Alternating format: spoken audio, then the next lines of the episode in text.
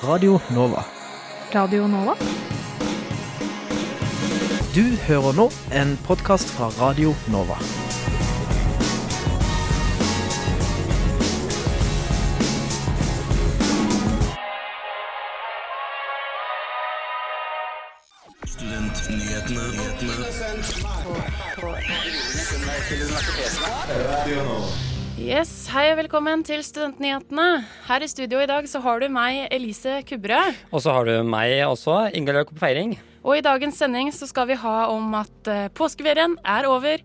Vi har snakket med Oslo Met Gaming om hva de har drevet med. Og eksamenstiden er i gang, og vi skal gi deg noen gode eksamenstips. Vi har også testet en ny studentby. Denne gangen så ble det Carl Berner studenthus.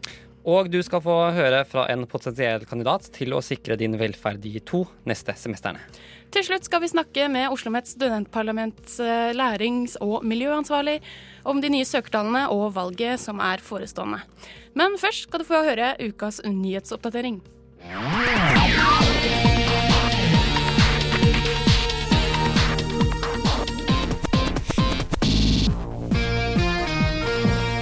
Kristen Andreas Rolsen stiller til valg som leder av studentparlamentet. Rolsen har sittet som miljø-, velferd- og økonomiansvarlig denne perioden for Grønn liste. Han har også sittet i universitetsstyret og som sentralmedlem i NSO. Rolsen sier i en uttalelse på Facebook at han ønsker å fortsette arbeidet med ferdigstillelsen av tiårsstrategien, Strategi 2030, for å fremme studentenes interesser helt inn til målstreken. En av tre nyutdannede får ikke overtidsbetalt i sin første jobb. Det kommer fram i lønnsundersøkelser blant økonomer, jurister, ingeniører, leger, psykologer og veterinærer. Flere fagforbund ønsker nå at Arbeidstilsynet skal få mer makt og kunne gi større bøter. Det melder NRK. President i Juristforbundet, Håvard Holm, forteller at offentlig og privat sektor dermed bryter arbeidsmiljøloven. Bård Amundsen i Advokatforeningen har uttalt til NRK at de ikke har statistikk over hvordan disse reglene etterfølges, men at deres inntrykk er at advokatfirmaene har fokus på å etterleve de regler som gjelder. 18,7 færre ønsker å bli sykepleiere. Dette kommer fram da tallene for samme opptak ble lagt frem i går. Noe av årsaken kan være at det, det er blitt nye karakterkrav. Det stilles nå minst eh, tre i norsk og tre i matematikk fra videregående for å bli sykepleier.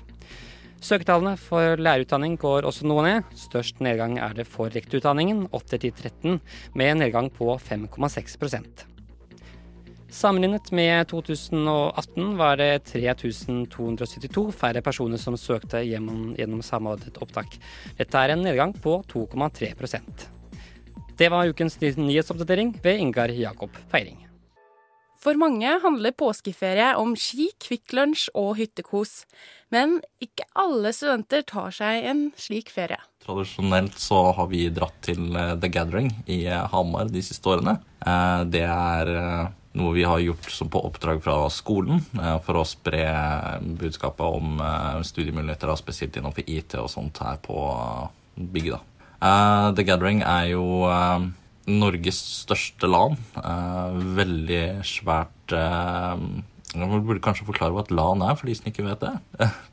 et LAN er når man samler seg sammen i samme lokale og kobler seg på samme internettnettverk og spiller spill, gjerne med PC-er som man kobler opp. Eh, og eh, her på, i Hamar da, i denne påsken her nå, så var vi jo over 5000 folk. Eh, med over 5000 klienter eh, kobla til. Da, så det er jo veldig mange mennesker som sitter og spiller sammen. TG, The Gathering, er altså Norges største LAN. Men skjer det noe annet enn å svette foran PC-skjermen og drikke energidrikke? Og det er alt, alt mulig rart.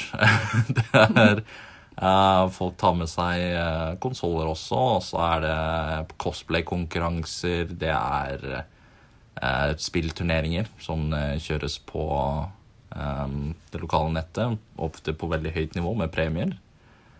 det er diverse tradisjoner som er veldig vanskelig å huske opphavene til, men det er mye rart der. så Eh, det er eh, mange sosiale aspekter med det også, der man møtes og prates. Eh, det er scene, stor scene med konserter og forskjellige ting. I år så hadde vi Base Hunter her. og diverse andre artister også. Og det var ganske kult, det.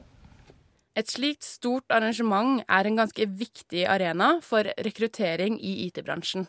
Det er et sted hvor mange har gode egenskaper innen teknologi, men er dette noe Oslo Met Gaming merker? Eh, Det vi er eh, spesielt eh, På TG så har vi vært utreist på vegne av Instituttet for informasjonsteknologi. Og det er spesielt de vi markedsfører av datateknologien, eh, dataingeniører og de forskjellige linjene for mulige studenter.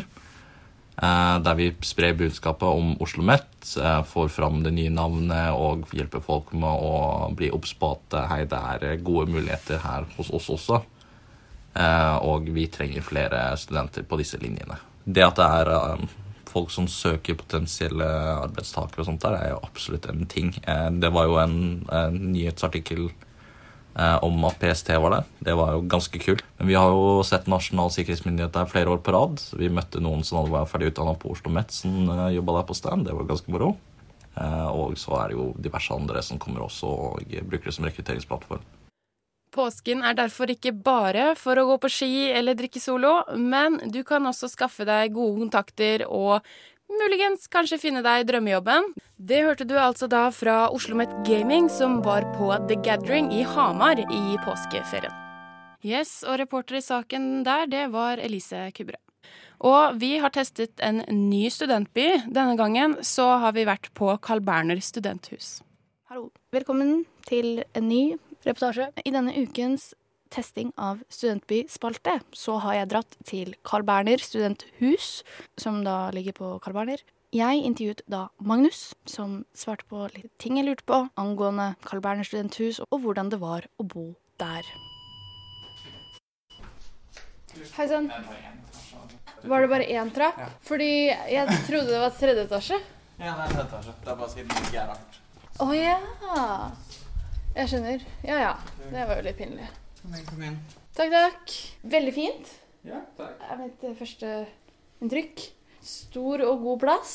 Hvor lenge har dere bodd her? Vi flyttet inn i september i fjor. Var Carl Barner første valg? Eh, nei. Eh, Nei. Første valget var Bjølsen, og så hadde vi Kringsjå. Carl Berner var vel et stykke lenger ned på lista. Men det var her vi fikk leilighet, og det var mye bedre deal enn det vi hadde sett før. Så veldig fornøyde, da. I hvert fall når vi fikk leiligheten, og når vi fikk se hvor stor den faktisk er. Nei, men det var jo ikke langt fra T-banen. Bare mye oppover gikk jeg. Men eh, det gikk fint. Nei, det ligger veldig fint. Vi har jo butikker galore overalt med søndagsåpent og døgnåpent og det man trenger. Og trikk og T-bane og lett å komme seg til studiested og andre steder. Det er viktig. Carl Berner-krysset, det svære krysset. Er Ja, ikke det rett ved nedi her? her. Hører dere det? Nei, det er ikke noe støy her, egentlig. Nei. Hva er det med Carl Berner som du liker spesielt godt? Altså, Jeg er veldig glad i den leiligheten. da. Jeg syns leiligheten er stor og fin, koster mindre enn det jeg betalte på Sogn, og leiligheten er over dobbelt så stor. Jeg bruker den ikke så mye. Vi har en veldig fin takterrasse som jeg liker. De har da en takterrasse på Carl Berner studenthus. Veldig fin. Superfin utsikt. Ser utover hele Oslo. Er eh, den takterrassen for alle? Takterrassen er for alle. Det negative med Carl Berner Det er litt eh, med at sånn, det er ikke en studentby, det er et studenthus. Så det er ikke så mye sånn Vi har på en måte en liten gressflekk med noen benker på som sånn samlingssted. Um, så jeg håper på en måte at det, at det kommer litt mer eh, ting hit. Da. Med at sånn, det åpner treningsstudio på Kringsjå og sånn. Det er på en måte Akkurat det hadde jeg satt kjempestor pris på om kom til Carl Berner. Så veldig tynne vegger her. Sånn, vi Er hører sånn, hvis det er, jo, hvis det er litt grann eh, musikk på andre sida, så vibrerer det i veggen. Å nei! Det er ikke kult. da. Heldigvis er det stue der da, på den siden, og ikke et soverom. Hjelp. Og dere har ikke egen vaskemaskin? Nei, Nei. Det er faktisk noe jeg tenkte på. Vi, vi betaler altfor mye penger per vask. Eh, vaskemaskinene er ikke veldig store heller, så du får ikke så mye inn. Og vaskemaskin og tørketrommel til sammen koster 33 kroner eller noe sånt. Det, er, altså, det er jo kanskje det jeg utsetter mest på akkurat det her. At det er ikke så gøy å måtte betale så mye for å vaske én runde med underbukser. Og det er få plasser her, så det er vanskelig å få Ja. her. Og er det flest parleiligheter? For det har jeg inntrykk av. Nei, jeg tror det er flest singelleiligheter. Jeg tror det er mange leiligheter som deler et kjøkken. Sånn at Ja. det, er, det er ganske mange flere eneboliger enn parleiligheter, tror jeg. Men det er også familieboliger her, da. Er SIO barnehage rett ved her? Nei, det er faktisk ikke SIO-barnehagen som er rett der borte. Okay, ja. Det er en helt vanlig barnehage. Ja, jeg ville anbefalt Carl Berner student. Da tror jeg vi må hoppe på terningkast, ja, altså. Oh, oh. Herningkast for Carl Berner. Fire og en halv. Femmer hvis det hadde vært vindu på andre sida. Ha det. Ha det. Da har jeg vært på Carl Berner studenthus. Fikk terningkast fire og en halv. Legger den da inn på en altså, delt andreplass eller et eller annet. Det er tøff konkurranse i toppen, kan man kanskje på en måte si. Følg med i testing av studentby-spalten neste uke. Vi takker for meg. Yes, Nora Torgersen der, altså. Og neste uke skal vi teste vestgrensa, og da får vi jo se hvordan rekkefølgen vil bli rukket om eller ikke. Og vi skal nå høre om noen gode tips til eksamenstiden. For eksamensperioden er i gang for de fleste, og mange henger litt over tastaturet timevis og fullfører enten en bacheloroppgave, en masteroppgave etc. For å få godkjent så må man gjerne bruke flertallet pensum og kildeanvisninger. Eh, men kan du stole på kildene du har brukt? Krono har intervjuet fysiker og programleder Andreas Wahl, og han kommer med 13 tips til kildekritikk.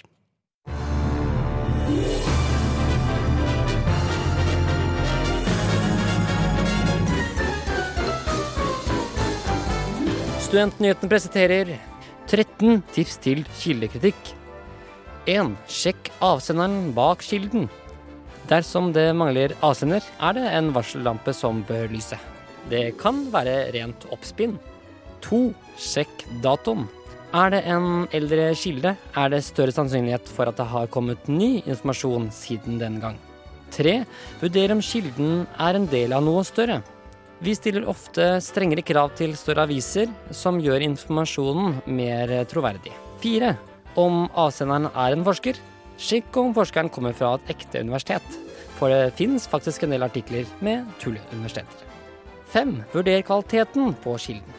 Blogger og forumer har ofte lavere kvalitet enn vitenskapelige artikler. At en blogger sier noe, betyr ikke det at det er vitenskapelig sant. Nummer 6. Sjekk om forskeren eller eksperten uttaler seg innenfor feltet de faktisk er kvalifisert i. Noen ganger er det eh, forskere som har uttalt seg i saker de egentlig ikke er eksperter på. Nummer sju. Tall og statistikk kan lure deg. Sjekk eh, referanser bak statistiske publisjoner, og husk at om noe skjer samtidig, betyr ikke at det egentlig er noen sammenheng mellom A og B. Nummer åtte. Skill mellom opplevelser og forklaringer. Det som man gjerne opplever, er ikke nødvendigvis sant. Nummer ni. Autoriteter kan også ta feil. Om en professor uttaler seg om noe de kan, er det greit å ha i bakhodet at de også kan ta feil. Nummer ti. Utrolige påstander krever utrolig bevis. Er det noen som påstår noe utrolig, er det ofte for godt til å være sant. Nummer elleve. Det funker for meg. Det er ikke noe sterkt argument. Nummer tolv. Lytt til kilder og forskning du er uenig i. Noen går i den fella at de bare finner kilder og forskning som de er enig i. Nummer 13. På et tidspunkt må du kanskje bare velge å stole på kilden og bruke en klype sunn fornuft. Lykke til.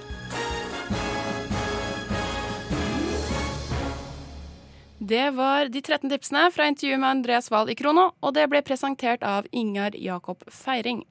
Og vi, du hører fremdeles her på Studentnyhetene på Radio Nova, og vi har fått besøk, for det er nemlig valgsesong her i Oslo. Først var det NSO som valgte leder, og nå foregår UiO sitt valg om hvem som skal styre studentparlamentet neste periode. Men også i Velferdstinget i Oslo og Akershus har de valg.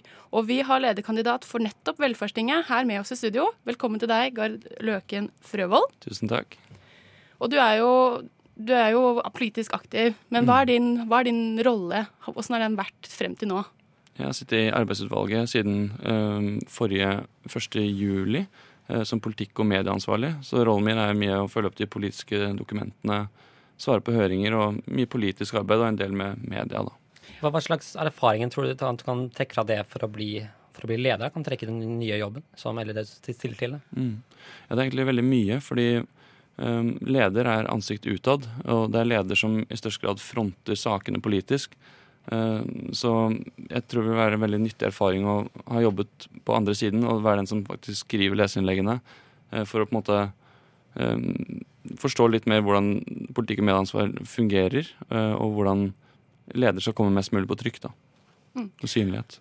Og du velger jo å stille som leder for Folketinget nå neste periode. Eh, hva mener du gjør deg best kvalifisert til å ta den jobben, unntatt at du har allerede hatt den stillingen du har hatt? da? Mm. Um, jeg mener at måte, mine mellom, mellommenneskelige egenskaper er veldig viktig. At man på en måte er omsorgsfull og trygg og rolig. Det syns jeg er veldig viktig i en lederrolle. Um, og så er det, det er, det er utrolig viktig med den erfaringen at man har sittet i arbeidsutvalget et år. fordi da kan man være operativ fra dag én, i stedet for at det tar et par måneder før man på en måte er 100 da. Um, utover det så er det på en måte en interesse for å skape best mulig lag. Uh, et arbeidsutvalg er alltid et lag, og det er svært viktig å huske på. Er det noen spesielle saker som du uh, har tenkt til å stille frem nå mot uh, kampanjen? Um, nei, det er ikke noen konkrete enkeltsaker jeg kommer til å fronte som min sak her og nå. fordi jeg sitter jo i arbeidsutvalget nå, så jeg har muligheten til å fronte saker på en måte hele tiden. Men viktige saker fremover blir jo Det er jo et kommune- og lokalvalg nå i høst, og der må velfestingen være på banen. og tydeliggjøre hvilke partier som faktisk er bra for studentene her eh, lokalt. Så det blir en viktig sak. Og, og så er vi flere spennende prosesser som, som må tas tak i. da. Mm. Og du er, fordi du er jo politisk engasjert utenfor eh, velferdstinget også. Og mm. du er da leder for Sør-Odal Venstre. Hvordan er det du skal klare å la dine ideologiske overbevisninger ikke gå i veien for velferdstingets eh, ja, ønsker? Det har jeg for det første god erfaring fra i løpet av det siste året. Men så er det heller ikke sånn at eh, leder av Velferdstinget har pleid å være en upolitisk person. De tre siste har vært eh, aktive i Arbeiderpartiet. Og før det så var det vel en annen fra Venstre. Så det er ikke noe nytt at man har en tidligere ungdomspolitiker, da. Eller en voksenpolitiker som leder av Velferdstinget. Men det, det går veldig greit fordi vi har politiske plattformer å forholde oss til. Og vi har et velferdsting som speiler et bredt mangfold av meninger som, som vi må følge. da. Jeg tenker sånn, Dere jobber jo litt i forhold til politikere, og det er jo også du er jo aktiv i Venstre, og det er også Iselin Nybø fra Venstre som er forsknings- og, forsknings og utdanningsminister i dag. Hvordan ser du for deg det på en måte å jobbe opp mot eh, på en måte regjeringen, som også har en, mye innslag av fra Venstre? Da? Jo, det, det, vil jeg si er en, en veldig stor fordel eh, for mitt lederkandidatur, faktisk. For jeg, jeg kjenner Iselin ganske godt um, fra tidligere arbeid. Jobbet litt på Stortinget tidligere. Um, og det er veldig nyttig å ha den direkte kontakten med statsråden. Og det har blitt brukt uh, en del i løpet av det året som har vært nå. At man kan ringe ja, kanskje ikke Iselin, men ringe politisk rådgiver for henne, eller statssekretær, og få informasjon veldig raskt. Man kan hente inn Iselin på arrangementer, hvis man er heldig. Så å på en måte kjenne statsråden og hvordan statsråden tenker, det er nyttig for velfestinget. For vi er tross alt den nest største studentorganisasjonen i hele Norge etter NSO. Men føler du at uh, regjeringen har vært flinke nok uh, for studentene så langt? Flinke nok har vel ingen regjeringer vært. Men det, det, negative er jo det som har skjedd med konverteringsordningen. at man får mindre stipend hvis man ikke har høy nok studieprogresjon eller bytter studier. Det er det mange som er imot, inkludert Velferdstinget. Men så finnes det veldig mange positive sider med regjeringspolitikk også. Blant annet rekordmange studentboliger og rekordhøyt studie, studiestøtte. Så det er ikke, det er ikke helt svart-hvitt, men kan, ting kan absolutt bli bedre. Mm, for akkurat det med studiestøtte så har jo det vært et uh, krav som vi har søkt på å få 1,5 G. Mm. Åssen er det du tenker kanskje å jobbe med det fremover? Um, jeg har jo tidligere skrevet om en modell som jeg tror kan eh, løse problematikken veldig raskt. Og det handler om å frakoble lån og stipend fra hverandre, sånn at stipendsummen holdes eh, konstant sånn er i dag. Eh, absolutt ikke senkes, men så kan du eh, øke lånet helt opp til 1,5 G, eh, som tilsvarer 145 000. Um, så at man kan velge å ta opp et høyere lån, fordi studielån er det mest gunstige lånet. Og så kan man heller jobbe over tid da, med å øke stipendet, for man vil alltid ha høyest mulig stipendandel.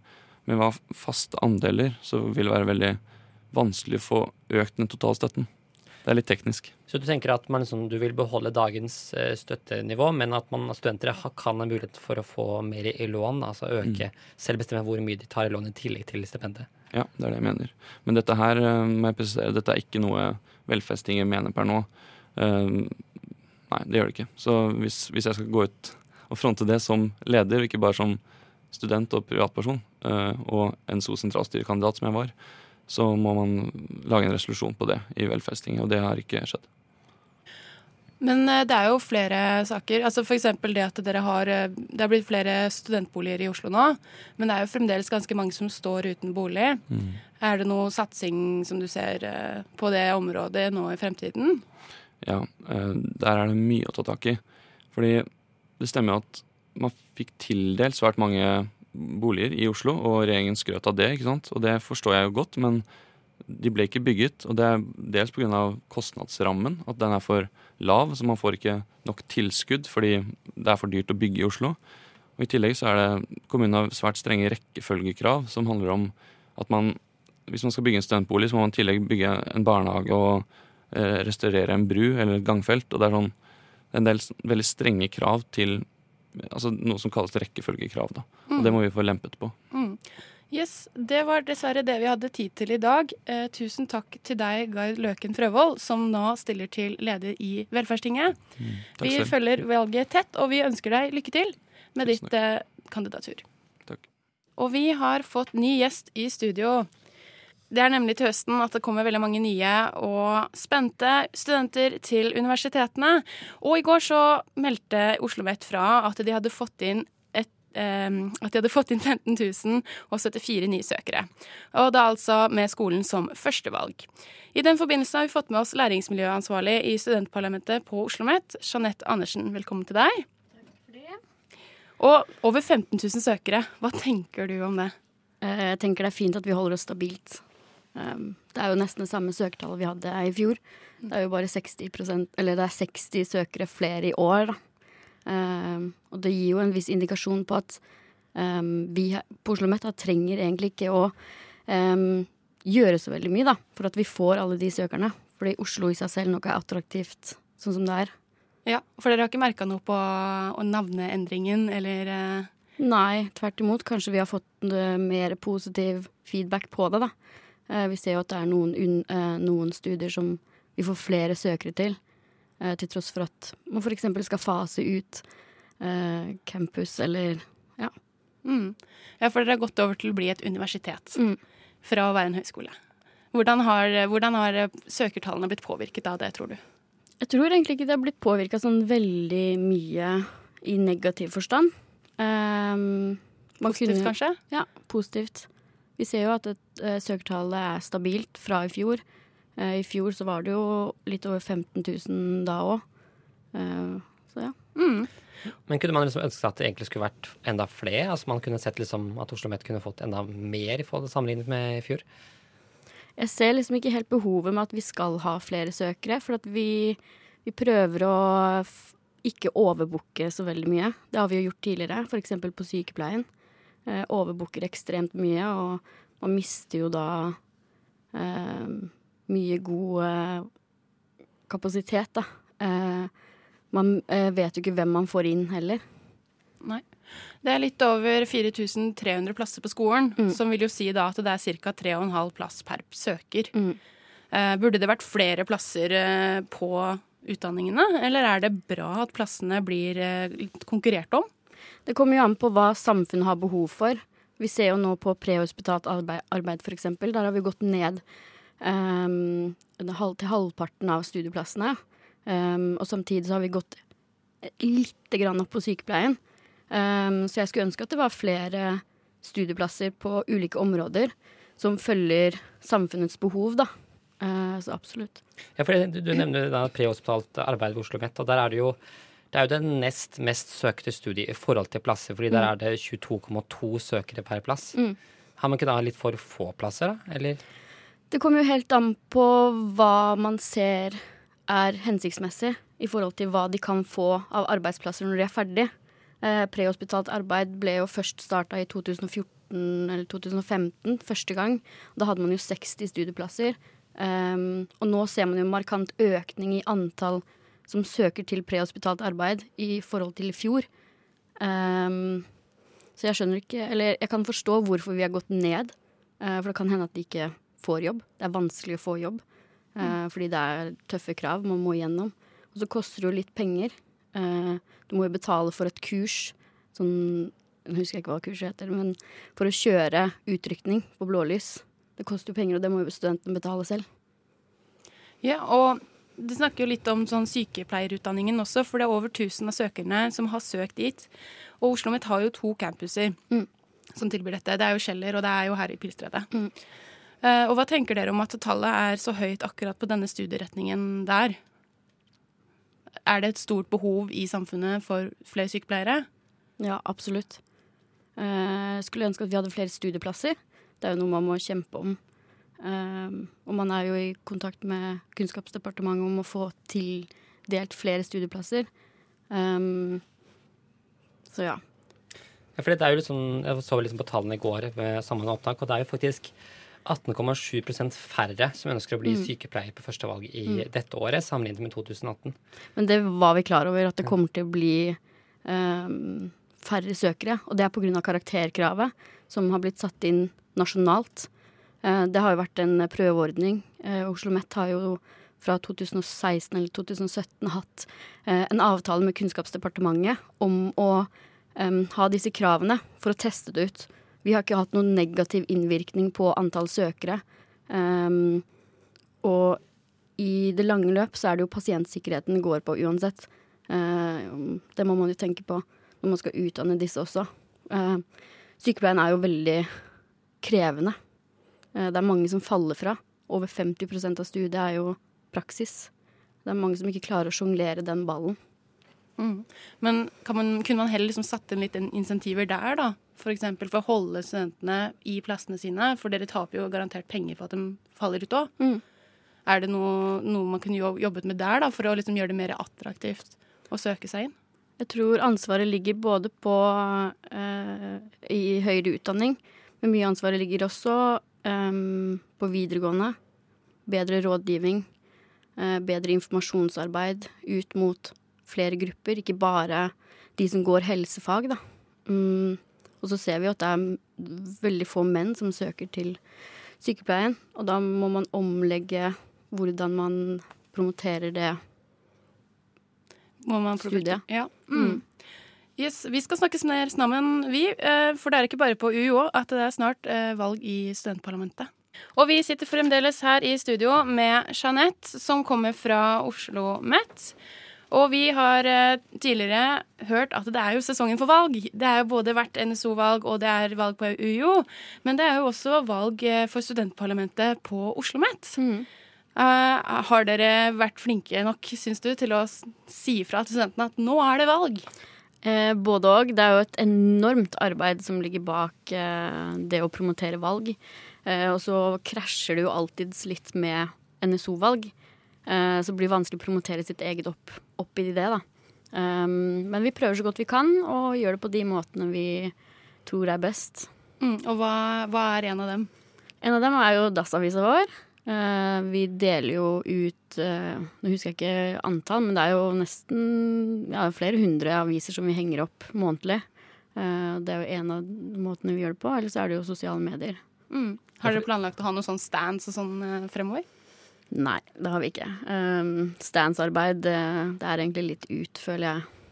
Det er ikke det, der man når dem? Nei, det er ikke det. Også, det er kult med bolle og sånn, men det er ikke kult å bruke å hente inn stemmene via boller, for da betaler man jo for de stemmene. Ja, for det er, det er jo ikke så lenge til valget heller. Det er jo da lørdag 4. mai. Ja. Um, hva gjør man litt sånn innspurten nå? Det er nærmer seg 4. mai nå. Det er ikke så lenge til. Uh. Nei, vi har jo fått uh, veldig mange kandidater som har meldt seg til de ulike vervene. Uh, for det er jo ikke parlamentsvalg. Det er jo arbeidsutvalget og alle disse komiteene og utvalgene vi skal velge til. så det er ikke representantene vi skal ha er, og er ute etter. Det er jo de som man får penger for å sitte i. Um, ikke sant. For, for dere har jo allerede hatt det representantvalget. Mm, det har vi i desember. Ja. Så syns dere at det blir mer fokus på det enn det blir fokus på å sette folk i, i de betalte posisjonene? Mm, det er vel litt både òg, egentlig. Vi, det er vanskeligere å finne representanter til selve studentparlamentet. Uh, fordi det er veldig mange som hopper ut eller er ferdig på studiene og sånne ting. Mm. Um, Men er det mye ut utbytninger nå av posisjonene? Er det mange som skal gi seg og Ja, det er jo en del. Mm. Uh, så vi prøver å legge opp kabalen. Og så har vi jo allmøte nå i mai uh, på fakultetene som vi skal prøve å supplere inn via den, de møtene, da. Mm. Ja, for det, hvem er det egentlig som kan stemme ved dette valget her? Det er alle som er semesterregistrert ved Oslo OsloMet. Mm. Og hvem er det som kan stille? Det er alle semesterregistrerte studenter ved Oslo OsloMet. Ikke sant? Så det er jo åpent for alle å stille. Mm. Kan alle komme på allmøte?